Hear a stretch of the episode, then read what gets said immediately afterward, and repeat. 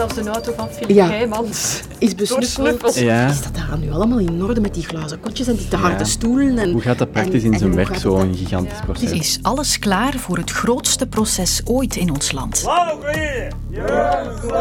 Zit de oorlog in Oekraïne op een kantelpunt? Oké, Remco, allemaal goed, maar nu? Ja, Wat nu? een Ja. vraag zou kunnen zijn, wat is nu een realistisch palmares voor Evenepoel binnen Ja. dit en tien jaar? Ja. En welk palmares is er haalbaar voor Remco Evenepoel? Mijn tijdrit van een kwartier is weer begonnen. Welkom.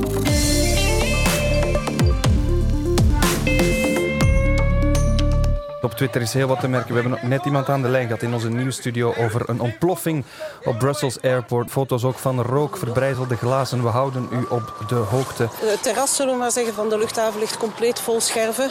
We denken dat daar ook iemand ligt onder een, eh, onder een doek. Meer dan 30 doden zijn geteld, meer dan 200 gewonden en dreigingsniveau 4 is voorlopig van kracht in heel het land. Dat ging over de gebeurtenissen van meer dan zes jaar geleden, de terreuraanslagen in Brussel op 22 maart 2016. En nu kan het grote proces rond die aanslagen eindelijk beginnen. Vandaag was er een inleidende zitting van dat proces in een verbouwde zaal van het oude NAVO-hoofdkwartier in Brussel. En over die zaal is er al heel veel gedoe geweest, vooral over de glazen boksen waarin de beschuldigden zitten. Zo ongeveer elke advocaat en rechter in ons land had er de laatste weken een mening over. Die boksen maken deel uit van het veiligheidstheater en dat is niet noodzakelijk. De beschuldigde wordt daar eigenlijk gepresenteerd als iemand die ieder moment opnieuw een aanslag zal plegen. Ce sont pas des box, ce sont des cages. Ze staan daar totaal in een glazen box. En dus fysiek bekeken, en wel, zijn ze buitenstaanders van hun proces. tentoonstelling als een beest in een kooi. Ik kom hier niet met mijn kinderen naar de zoo van Antwerpen. Ja, voilà, ik zit daar. En wij hier. Ja, goed. Filip Heijmans, jij was er vandaag bij hè, op de eerste zitting en je hebt ze ook al in het echt gezien, de fameuze glazen boksen. Ja, eh, vorige week hebben we al een rondleiding gekregen hier in het gebouw.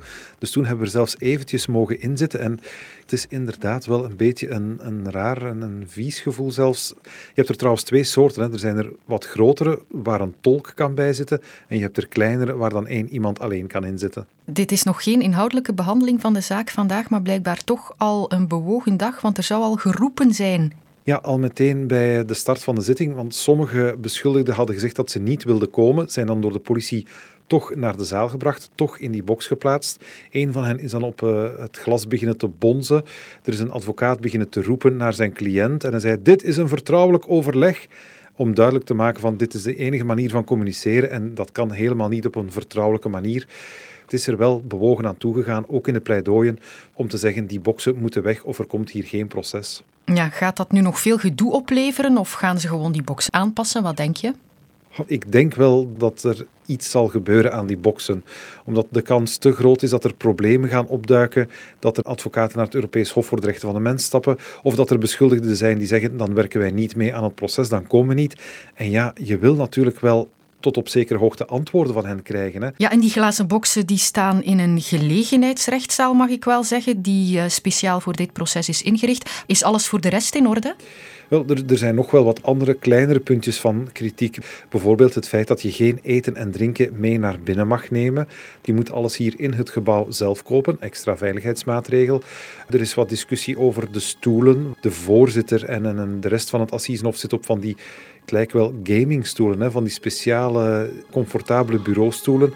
En voor de advocaten is dat dan een stuk minder. Die, die vinden ook, als we hier tien maanden moeten zitten, dan mag het op zijn minst toch een beetje comfort te bieden hebben. Zo'n gigantisch proces over zulke zware feiten, ja, dat gaat gepaard met eh, heel veel veiligheidsmaatregelen. Ik hoorde dat je ook al besnuffeld bent vanmorgen. Ja, of toch uh, mijn auto. Uh, dus bij aankomst, dan moesten we allemaal de deur van onze auto en de koffer ook openzetten, zodat een snuffelhond daarin kon, om na te gaan of er geen explosieven in zaten. We hebben ook een uh, speciale badge gekregen met een QR-code, zodat we op elk ogenblik gecontroleerd kunnen worden. Ik heb de indruk dat de, de veiligheidsmaatregelen nog wat strenger zijn dan bij het proces over de aanslagen in Parijs, waar we ook verschillende keren geweest zijn. En met dit proces ben je nog tot volgende zomer zoet. Bedankt, Philippe. Україна! Путін!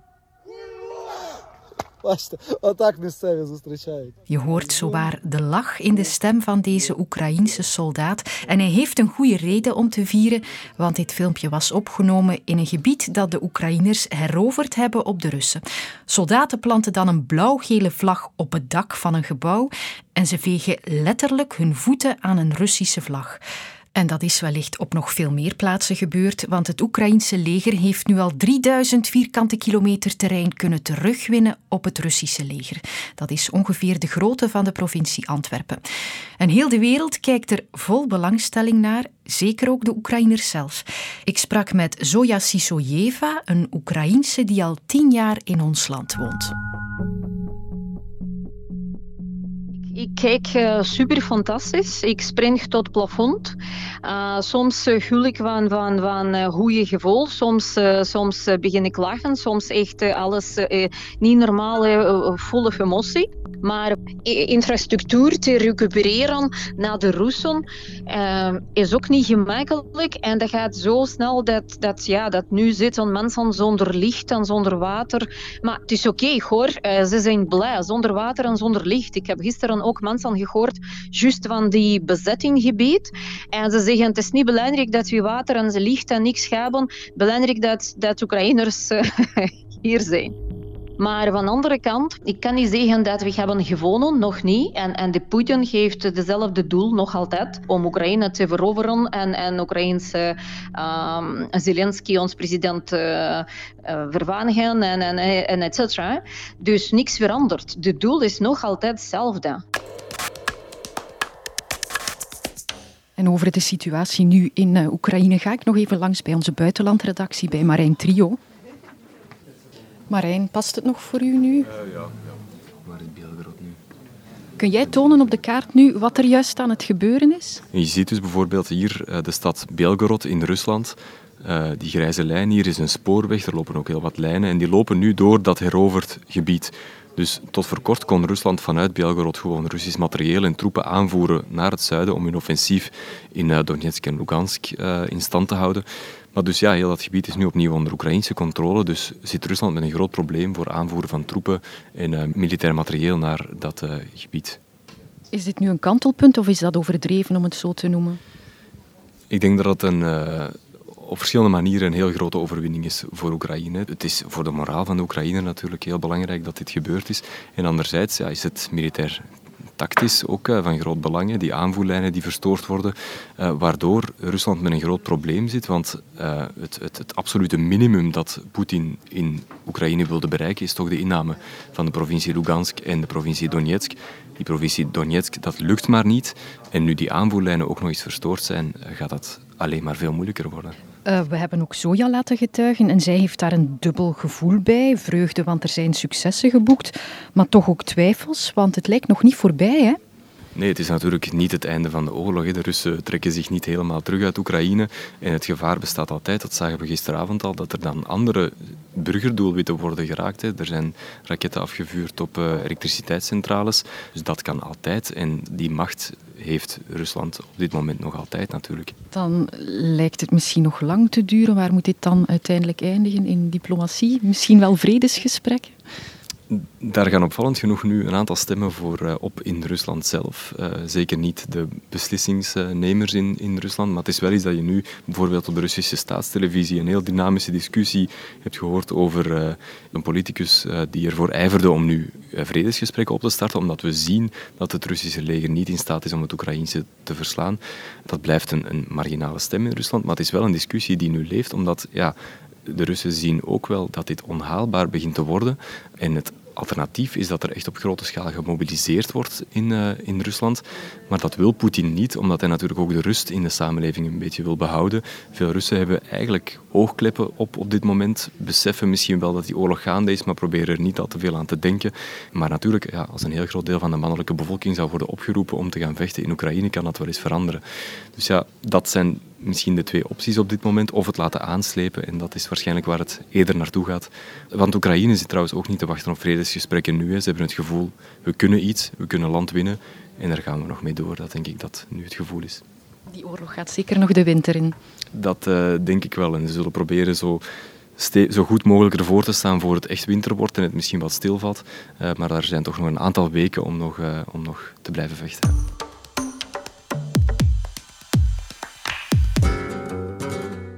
Ik weet dat zeker, dat weet iedereen aan tafel hier, dat hij verschillende keren wereldkampioen gaat worden. Dat hij alle klassiekers kan winnen. Op de kassei-klassiekers nadenken. Mm -hmm. Goed, die kan overal winnen. Dat wil zeggen dat ik de volgende tien jaar naar de koers kan kijken en aan de zetel achterover kan leunen en naar Remco en naar alles en iedereen kijken en uh, kan genieten. Ja. Ze waren in uh, Vive le Velo al wat aan het dromen gisteravond. De oud-coureurs en analisten Eddy Plankaart en José de Kouwer. En dat mag natuurlijk, hè, want een Belg die een grote wielerronde wint, dat was al sinds 1978 niet meer gelukt. En in die tijd was Eddy Plankaart nog niet eens zelf doorgebroken. Ik heb er al een nachtje over kunnen slapen en ik stapte met een nuchtere vraag naar onze verslaggever in Spanje, Christophe van de Goor, en naar Bert de Bakker, die nog niet zo lang met wielerpensioen is. Wat is er nu echt haalbaar in de carrière van Remco Evenepoel? Ik herinner mij heel goed als de dag van gisteren. Drie jaar geleden een mediadag van zijn ploeg Quickstep in Calpe. En daar had ik toen een lang gesprek met hem een podcast avant la lettre, zeg maar. Jonge gast, 19.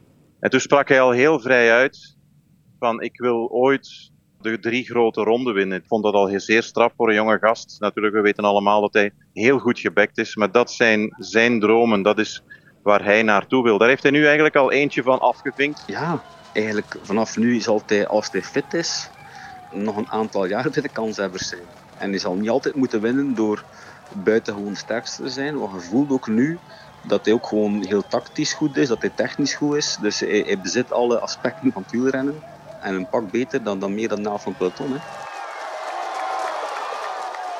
De val van twee jaar geleden in eh, de ronde van Lombardije, toen hij voor half dood is opgeraapt uit een ravijn in die ronde van Lombardije, wel, die val die heeft hem gekalmeerd. Hij heeft deze winter ook daarom heel wat boeken gelezen over mindfulness, over het uh, veranderen van je mindset. En dat is een heel grote schakel. Twee dagen geleden, hij komt door de streep zaterdagavond, is zeker van de eindoverwinning. Als rechthebbende omroep mag ik dan meteen als eerste interviewen. En hij geeft meteen een antwoord. Ja, vroeger was ik misschien een beetje egoïstisch. Dat ben ik nu minder. Ik heb meer aandacht voor de mensen rond mij. Dan denk ik, als 50-jarige, hoe is dit mogelijk? Een jonge gast die net de ronde van Spanje wint, die zo een antwoord geeft. Ja, dat maakt indruk. We hebben uh, al twee of drie generaties wielrenners meegemaakt, maar uh, hij staat enorm ver uh, voor zo'n voor zo'n kereltje. Het is ook aan ons om realistisch te zijn. Remco kan altijd winnen, maar Remco zal niet altijd winnen. En het is ook niet erg als hij een paar keer niet wint. En dat is vooral aan ons, analisten, ons publiek, ons supporters, om daarmee om te gaan. Ik denk dat hij bewezen heeft dat hij daarmee om kan om op het hoogste niveau te presteren. Het is nu aan ons om ermee om te kunnen dat het nu en dan een keer uh, niet zo zal zijn dat hij presteert en wint. En wat je in het begin zei, Christophe, zijn ambitie om de drie rondes te winnen, gaat hij dat waarmaken? Uh, pas. Dat is een heel kort antwoord. Zeker voor mijn doen. ik weet het, veel te lange antwoorden, maar niemand kan in de sterren kijken, rustig zijn, en genieten van wat hij nu heeft gedaan. En uh, zoals gezegd, nog maar 22. Je bent fysiek het sterkste op je 6, 7, 28ste. Ja, José de Kouwer zou zeggen, het zou zomaar eens kunnen dat hij alles wint. Of dat uiteindelijk lukt, dat blijft de vraag. Maar het is wel een opluchting dat we nu, zonder ons in te houden, gewoon weer positief kunnen zijn. Remco is zo goed overgekomen, elke keer verbaast hij ons. En nu heeft hij toch, door die grote ronde te winnen, die volgende stap gezet. Dus we kunnen dromen van alles uiteindelijk, vind ik nu. En daarom hoeft hij ze niet te volbrengen. Tot nu is het al fantastisch. En die volgende kaap is wel weer bereikt, vind ik. For now, I'm, I'm really grateful to win this Vuelta. And uh, yeah, maybe see you next year, maybe not, I cannot promise. But thanks for everything and uh, hasta la fiesta, ¿no? Hasta la próxima! Y hasta mañana para un nuevo cuarto de hora. Voor een nieuw kwartier ben ik morgen terug. Dag. Luister ook naar Snapt je mij nu? Onze VRT Nieuwspodcast waarin straffe twintigers praten over hot topics. Nu in de app van VRT Max.